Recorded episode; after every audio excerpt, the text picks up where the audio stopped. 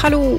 I dag skal jeg snakke om eh, hvordan jeg sparte i fjor, hvor mye jeg sparte i fjor, og hvordan du kan bruke noen av de samme grepene i år, sånn at du kan spare mer.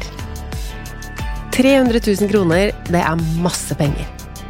Men så var jeg litt sånn Ikke skuffa eller ikke liksom flau, men dere som har fulgt meg og fulgt med, veit jo at sparemålet mitt for 2019, det var 350 000 kroner ikke 307 som det endte på. Men vet dere hva jeg velger å fokusere på nå? Det er at jeg aldri hadde spart 307 000 kroner på et år om jeg ikke hadde satt meg det målet. Og så la jeg også en delvis plan. Så det er jo kjedelig å ikke nå et mål. Men det er allikevel bedre å sette seg noen, og så bomme litt, enn å ikke prøve i det hele tatt. Så jeg hadde jo sikkert spart noe om jeg ikke hadde satt meg et mål, men eh, nå hadde jeg noe å strekke meg etter, og jeg ville spare og nå det målet, så det ble jo ganske mye allikevel. Over 300 000 kroner. Så selv om det var mindre enn jeg sparte året før og året før der igjen, så kan jeg ikke si at jeg er spesielt misfornøyd med å ha klart å spare så mye. Så må jeg kanskje si noen ord om at det målet er høyt, eller det var høyt, kjempehøyt. Og du kan også få noe ut av den episoden om du ikke har så høye mål. For hvordan du når et sparemål på 100 000 kroner eller 10 000 kroner, det er jo samme prosess. Eller om du sparer mer enn meg, hvis du skal spare én million, så må du jo fortsatt gjøre noen av disse stegene. Og kanskje en grunn til at jeg ikke er så skuffa over å ikke ha nådd det målet Altså, mine sparemål handla jo om at jeg sparte opp til en frihet. Jeg drømte om mer frihet i livet, og det har jeg jo allerede laget meg, ikke sant? Eh, så derfor er jeg ikke så lei meg for at jeg ikke nådde det sparemålet, men heller stolt av det jeg faktisk fikk til.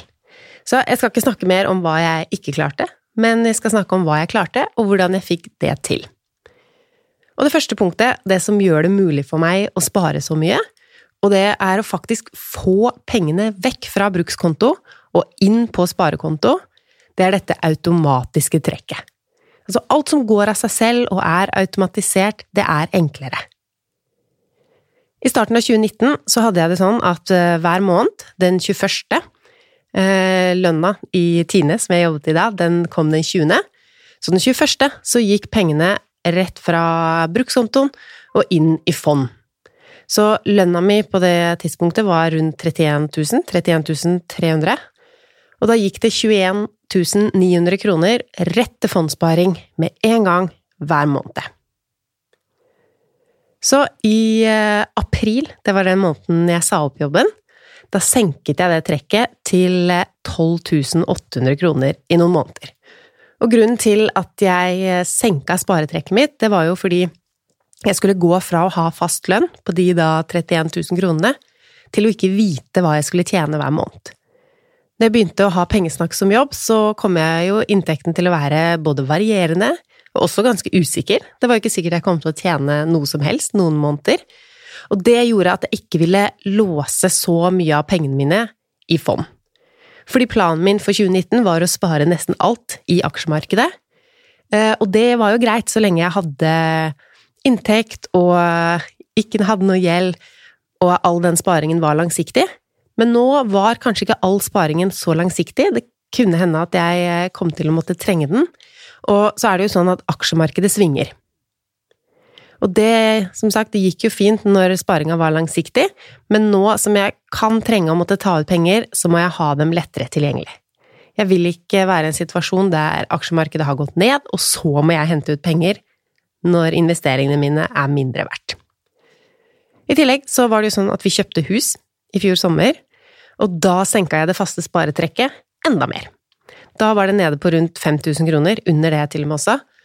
Både fordi jeg trengte litt penger, jeg fikk ikke spart så mye, fordi jeg trengte penger til flytteprosessen, mellomfinansieringen kostet jo ganske mye. Eh, altså at vi hadde jo fortsatt leiligheten litt etter vi kjøpte huset. Det var renter og avdrag på huslånet, ting, altså kostnader som jeg ikke hadde på våren. Eh, men den største grunnen var igjen at jeg ville bygge enda mer buffer. Det huset vi kjøpte, det er fra 1935, og det er klart at det kan skje mange ting med et gammelt hus, og så vil det være ting vi vil gjøre etter hvert. Og mannen min Tom, eh, han liker å gjøre veldig mange ting selv, men det er jo ikke sånn at det blir gratis for det, fordi det koster mye med materialer, og det er jo heller ikke alt man kan gjøre selv. Og jeg har ikke lyst til å ta opp lån for oppussing, eller å måtte ta ut penger av fondene mine, så da, da vil jeg heller spare mer på sparekonto enn jeg hadde planlagt da året starta. For når 2019 starta, så hadde jeg en bufferkonto på 50 000 kroner, så tenkte jeg det er greit, det vil jeg ha lett tilgjengelig, men resten kan jeg spare langsiktig. For da året starta, så visste jeg jo ikke at jeg skulle kjøpe hus, eller at jeg skulle si opp jobben, så det var mye som skjedde i 2019. Og også mye av det kunne jeg brukt som unnskyldninger for å ikke spare så mye i høst, men jeg har prøvd allikevel å spare penger, selv om utgiftsnivået har økt, og jeg vil at jeg trengte å spare på en litt annen måte enn jeg hadde planlagt. Da. Men selv om det, selv om jeg justerte ned det trekket gjennom året, så er det denne faste sparingen som har gitt størst resultater. Selv om det var bare de fire første månedene i året at det var over 20 000 kroner jeg sparte, så er det det at når man sparer hver måned, tolv ganger eh, blir det på et år, så fondssparinga mi endte på nesten 140 000 kroner i fjor. Så om ditt automatiske trekk går til bufferkonto, om det er til investeringer, om det er nedbetaling av eh, dyr gjeld, som kredittkort og forbrukslån, eller om du har ekstra nedbetaling på boliglånet ditt, det som går automatisk og fast, liksom blir bare trukket av seg selv, det blir mye på et år. Så det er eh, tips nummer én. Jeg skal lage et blogginnlegg om det her òg, så du finner tipsene på pengesnakk.no. Men tips nummer én er å sette opp et automatisk trekk. Det er ikke så lenge siden jeg snakket om det sist, men eh, det er jo noe med å faktisk gjøre det. Så i tilfelle du ikke har gjort det, eller om du satt trekket ditt litt lavt Jeg sier jo at du kan begynne med 1% av det du får utbetalt. Så hvis trekket ditt kanskje har vært på 200 kroner nå, eller 300 kroner, så kan du gå inn i nettbanken og øke det lite grann. 200 kroner mer, det blir mye på et år. Jeg visste jo at autotrekk alene ikke ville gjøre at jeg sparte 350 000 kroner i 2019. Så i januar i fjor, da jeg satte opp det målet, så la jeg en delvis plan. Og når jeg ser på den planen nå, så tenker jeg at den var kanskje litt for vag. Og så nå som jeg holder på med 2020-målene, så vil jeg være enda mer konkret for at det skal bli enda lettere å nå målene, og enda lettere å kunne si at et mål er nådd. Men den planen eh, jeg laget, det var Var det syv steg, da? Seks eller syv steg. Eh, så jeg har de med her for å se hva jeg hadde planlagt, og så kan jeg fortelle dere hva som faktisk skjedde. Og punkt nummer én var å tjene litt mer. Jeg så jo det at med den lønna jeg hadde, så blei det umulig å spare 350 000 kroner, så jeg var avhengig av flere penger inn for å kunne spare mer. Så jeg skrev som punkt nummer én at jeg kan ta noen modelljobber i ny og ne, Eh, og det har jeg fått litt eh, tyn for, eller ikke tyn, da, men eh, kommentarer på at det er jo ikke noe alle kan gjøre. og selv om det er sant, så er jo det med ekstra inntekter, det er noe alle kan gjøre. Og det jeg tjente på modellyrket i 2019, det var 2000 kroner. Så det, det var en heldagsjobb, og jeg har jeg har jo blitt litt eldre, jeg har fortsatt noen eh, forespørsler om eh, noe brudeshow og hårmodell og sånn, men eh, jeg har takket nei til mye av det i år, så det er bare én jobb jeg gjorde. Og den Altså, det jeg tjente, det kan du få til på en annen måte. Jeg garanterer at du kan få en ekstra inntekt i 2020 på 2000 kroner, eller mer, uten å ha lange bein eller modellkontrakt.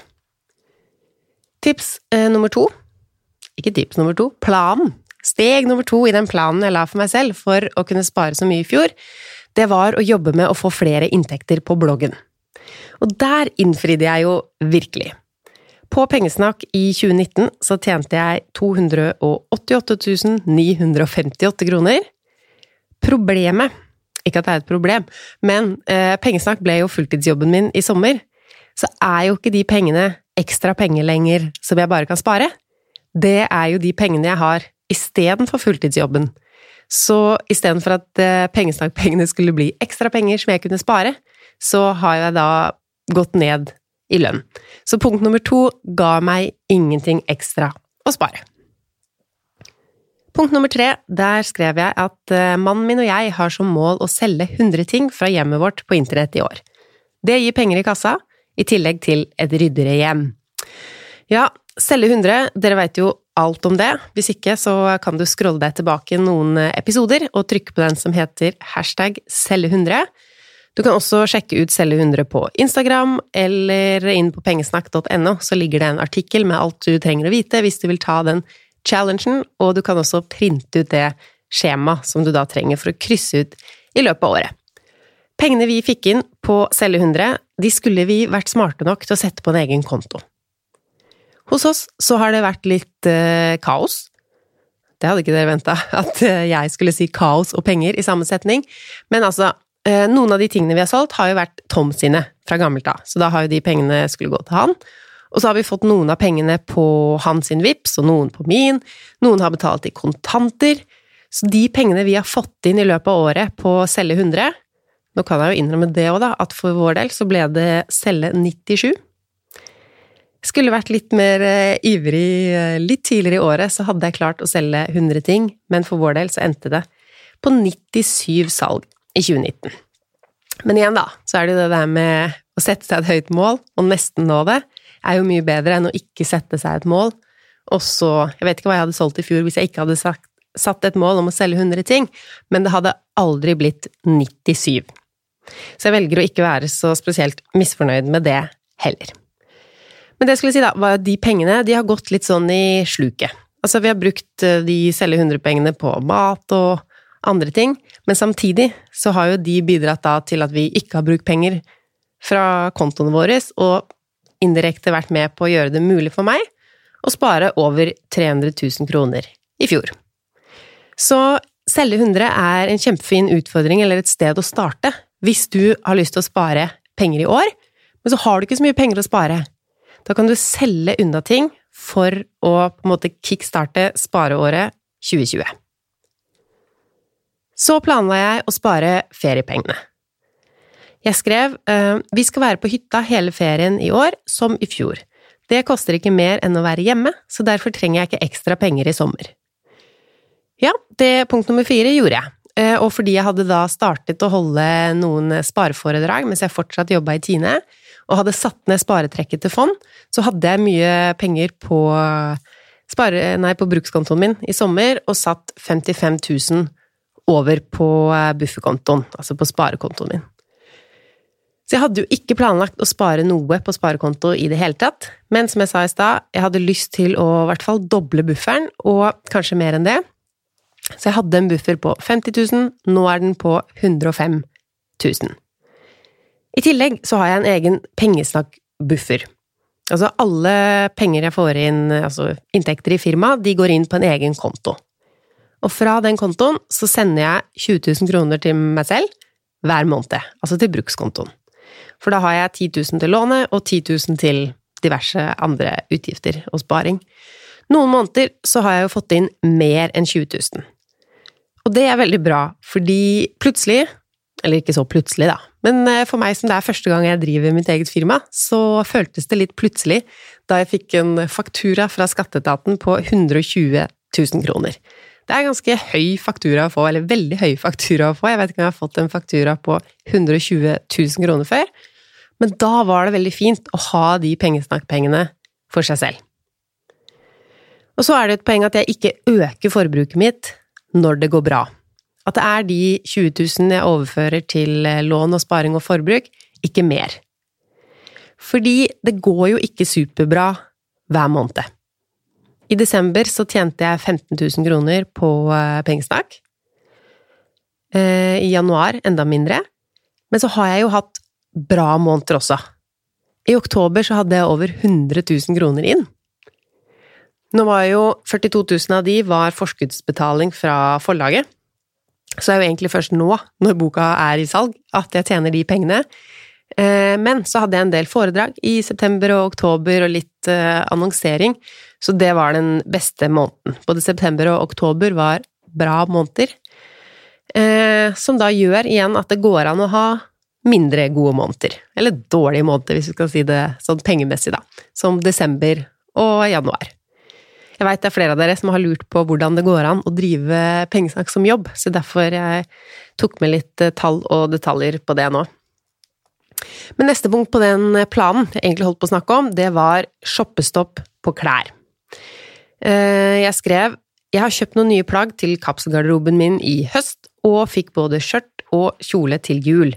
Derfor trenger jeg absolutt ingen nye klær i 2019.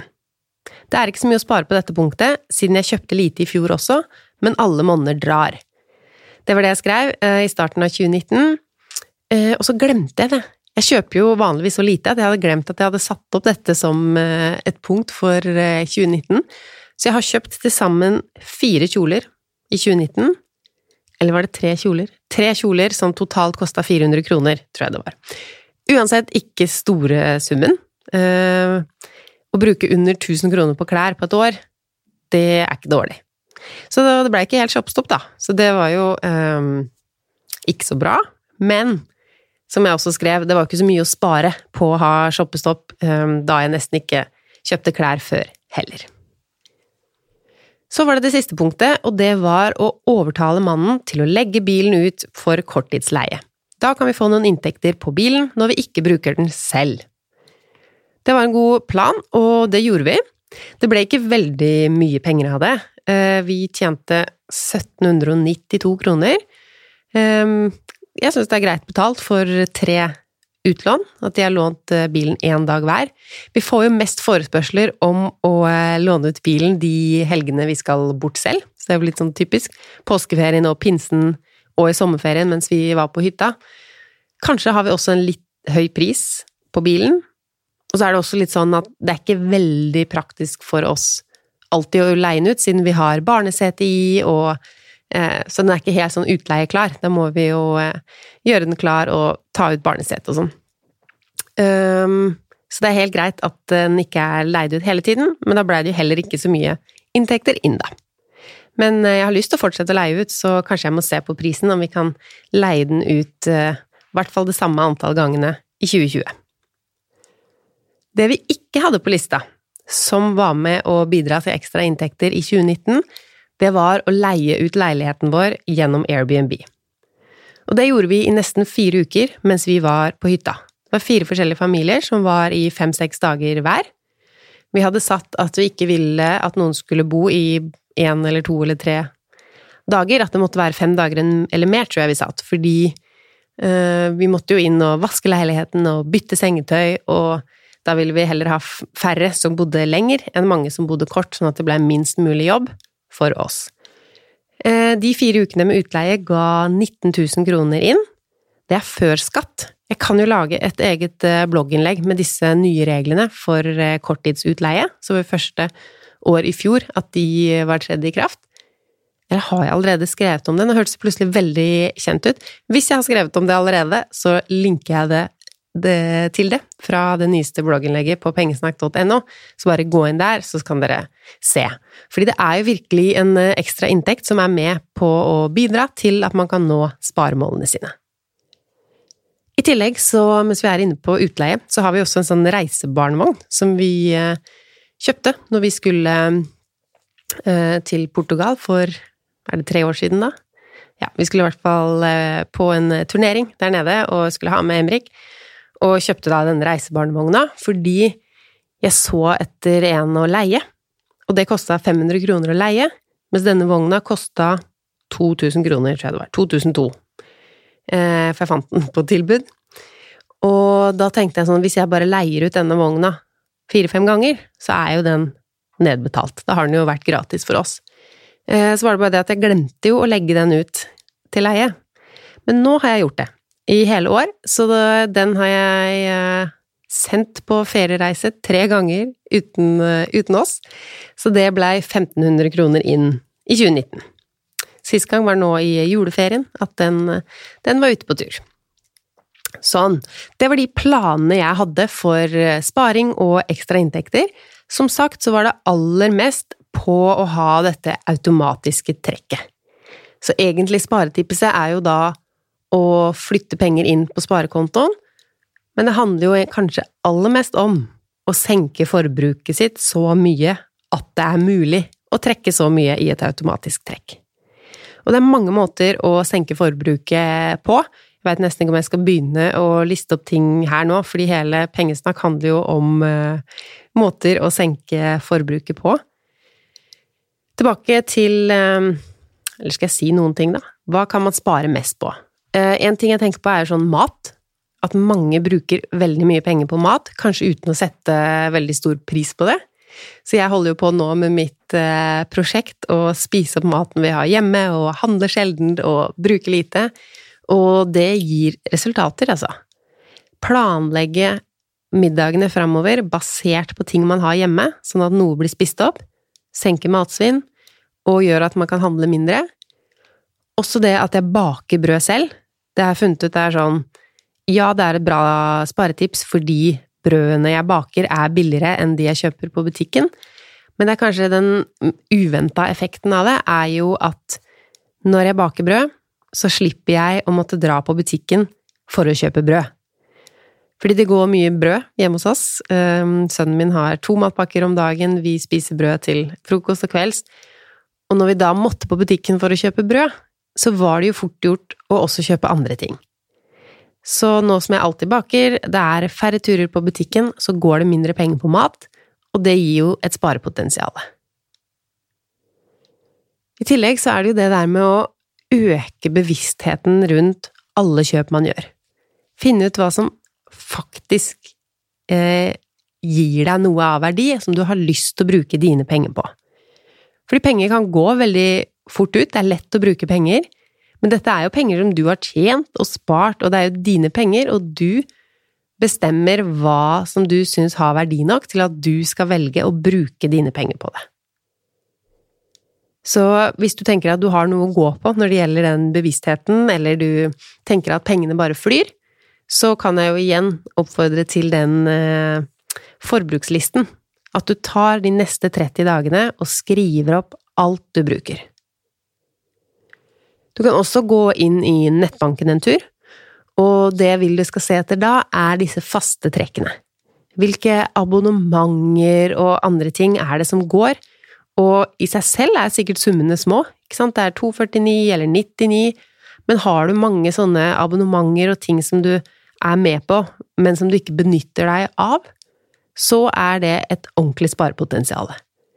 Og det som er gøy, da, hvis du finner en sånn eh, tjeneste eller flere ting som du kan melde deg ut av, eller avbestille, avslutte abonnementet, så kan du ta akkurat den summen, og så øker du autotrekket ditt med akkurat samme sum.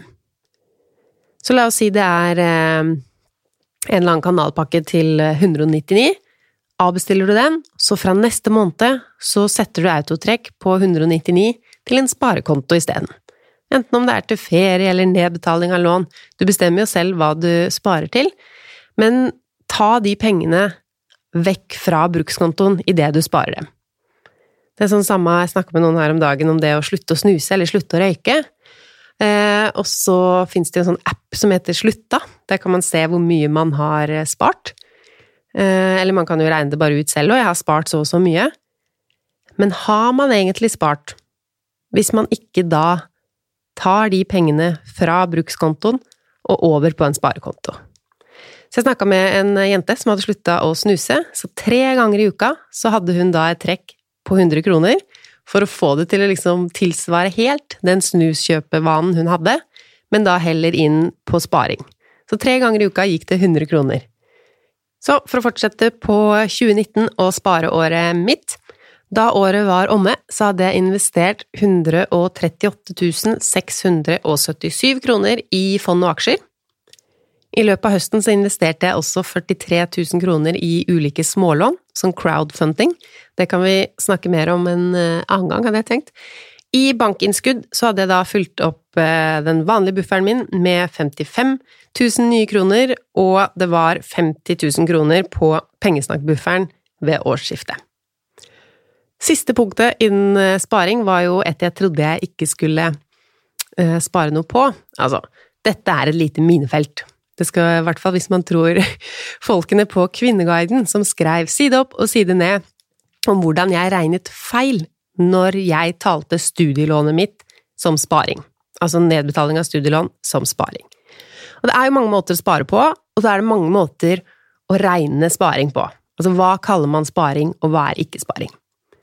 For 2018, og året før òg, tror jeg, så regna jeg nedbetaling av studielån, både rentene og avdragene, som sparing. Så jeg er enig i at det er feil, på en måte, eh, men jeg kan fortelle deg hvorfor jeg gjorde det, og hvorfor jeg syns at det um, made sense å regne det som sparing. De siste årene, helt siden jeg blei ferdig med boliglånet mitt, tror jeg, så har jeg dobla det månedlige beløpet til Lånekassen. Altså, de foreslo at jeg skulle betale én sum, og så hadde jeg dobla det for å kvitte meg med lånet raskere. Men fordi det å betale ned på lånekasselånet ikke egentlig er sparing, men bare tilbakebetaling av penger, altså penger jeg allerede har brukt opp i studietiden, så er jo det null i sparing. Så når jeg regna ut hvor mye jeg hadde spart i 2017 og 2018, da, så ville jeg ikke sett at det utgjorde en forskjell om jeg betalte dobbelt så mye på studielånet. Så det er grunnen til at jeg bestemte meg for å regne tilbakebetaling av studielån som sparing, sånn at den innsatsen, for å si det sånn, da, for at den innsatsen også syntes i mitt lille spareregnskap. Så hvordan du regner, bestemmer du helt selv, fordi eh, dette med sparing, det er jo ikke noe konkurranse. Eh, for min del, altså hvorfor jeg har alle disse sparemålene, eller at jeg har et sparemål hvert år, det er jo for å holde meg selv ansvarlig, og det er jo bare for min egen del. Så det jeg egentlig regna ut eh, i fjor og året før der, når jeg talte det Altså pengene på studielånet som sparing, det jeg telte, var jo egentlig sparepotensialet. Altså, jeg regna det jeg sparte på konto, det jeg, det jeg betalte eller sparte i fond, og tilbakebetalte på studielån. Og til sammen så var det beløpet sparepotensialet mitt. Når da studielånet var helt nedbetalt, om noen år, så kunne jeg jo bruke de samme kronene som jeg da pleide hver måned å betale studielånet, da kunne jeg bruke de til sparing. Så det gjorde også at jeg hadde ingenting imot å telle nedbetaling av studielån som sparing, fordi det viste meg sparepotensialet mitt. Og fordi at når jeg betalte inn ekstra, så ville jeg at det skulle synes. Men nå, da vi eh, kjøpte hus, så har jeg jo boliglån igjen også, og der vil jeg ikke telle alt som sparing. Det blir uh, veldig feil. Så det jeg gjør da, og som jeg kan påstå er mer riktig, det er jo å regne avdragene altså selve nedbetalingen av gjelden på huset, det er sparing. Fordi da blir jo huset mer og mer mitt, og mindre og mindre banken sin, og derfor så er det sparing. Den gangen i framtiden når hele huset er mitt, altså min del, Tom skal jo fortsatt ha sin del, eh, hadde vi solgt huset da, så hadde jeg sittet igjen med pengene. Men nå som jeg har et lån, hvis vi hadde solgt huset nå, så skulle jo banken hatt sitt, og da hadde det vært mindre igjen til meg, så derfor er det sparing å tilbakebetale de lånte pengene der. Men så koster det jo penger å låne penger, og det er jo rentene. Og på mitt lån nå så er det ca. halvparten hver måned av det beløpet jeg betaler. Betaler eh, omtrent 5000 i renter og 5000 i avdrag hver måned. Og rentene, det er ren utgift. Jeg teller ikke det som sparing, det er brukte penger. Så i år så gjorde jeg også Midt i en episode av Pengesnakk podkast så bestemte jeg meg for å slutte å betale ekstra på studielånet. Da vil jeg heller spare det jeg pleide å betale ekstra hver måned på studielånet, i fond. At jeg vil heller investere de, den ekstra tusenlappen, 1435 kroner er det, fordi det er jo forventet å ha høyere avkastning i aksjemarkedet enn jeg tjener på å betale ned studielånet raskt. Så det har jeg fortsatt med. Eh, det er et eget eh, beløp som blir trukket hver måned. Men det regna jeg jo med tidligere, da jeg sa hvor mye jeg sparer i fond hver måned, så er de eh, kronene med. Så når de ekstra sparepengene telles med der, så har jeg ikke lenger noe problem med å kalle hele studielånet mitt for en utgift. Det var jo bare de fire første månedene i 2019 jeg betalte ekstra mye på det. Så de 15 000 kroner jeg brukte på studielånet, de er ikke med i de 307 000, fordi jeg regner det nå som en rein utgift. Men nedbetaling av husgjeld, det ble litt over 20 000 kroner, og det regner jeg som sparing. Så med de 20 000 eh, til altså nedbetaling av husgjeld, de nesten 140 000 kronene i fond, ca. 40 000 kroner i smålån og 105 000 kroner til sammen på de to bufferkontoene, så ble det til sammen over 300 000 sparte kroner i fjor. Så for å oppsummere, eller for å snu det litt mer om til eh, tips som du kan ta i bruk, så er det da mer enn noe annet dette automatiske trekket. Og pass på at du ikke setter et altfor høyt automatisk trekk, fordi du må jo samtidig klare å justere ned utgiftene dine til å faktisk ha mulighet til å trekke et høyt trekk. Så begynn heller med et lavt trekk, og så justerer du det ja, en sånn omvendt vei av hva jeg gjorde i løpet av dette året. Jeg starta jo med et høyt trekk, og så justerte jeg det ned i flere omganger. Du kan starte lavt, og så justerer du det opp når du ser at dette her går bra. Du har råd til å ha et høyere automatisk trekk. Så er det sånne tilfeldige inntekter. Eller ikke tilfeldige, da, men du får inn en sum med penger. Det kan jo være um, feriepenger. Hvis du ikke da har en dyr ferie du skal på, så kan du spare alt eller deler av feriepenger. Hvis du får igjen på skatten, så er jo det penger som du kan ta og spare med en gang, og, eller rette mot dyregjelda di, og så har det også blitt en del av din sparing. Eh, kanskje andre uventa inntekter, vet ikke. Det kan komme penger inn i løpet av et år. Får du hundrelapper til bursdagen din, har du eh, ja, en eller annen liten jobb eller inntekt ved siden av, Lei ut noe, bli med på å selge 100, eller selg 50, eller selg et eller annet. Eh, noen har jo også muligheten til å jobbe mer i den eh, jobben du har. Om det er snakk om å ta en ekstra vakt, eller jobbe overtid, eller å ta en helt annen jobb. Det finnes mange deltidsjobber som ehm, ja, kan ikke si at alle har muligheten til å ta en ekstra inntekt, fordi det tar jo ekstra tid. De fleste jobber, eh, da bytter du jo tiden din mot penger. Men eh, er du interessert i å spare ekstra mye i 2020, og ser at den inntekten du har nå, at det blir ikke det helt store sparepotensialet der, så er det jo det å hente inn nye penger som du kan spare alt av, en veldig smart eh, Hva skal jeg kalle det? Taktikk. Ja. Så er det jo dette med abonnementer og alle de tingene inne i, eh, på bankkontoen din. Finn et eller annet du kan kutte, for å så øke autotrekket med det tilsvarende beløpet.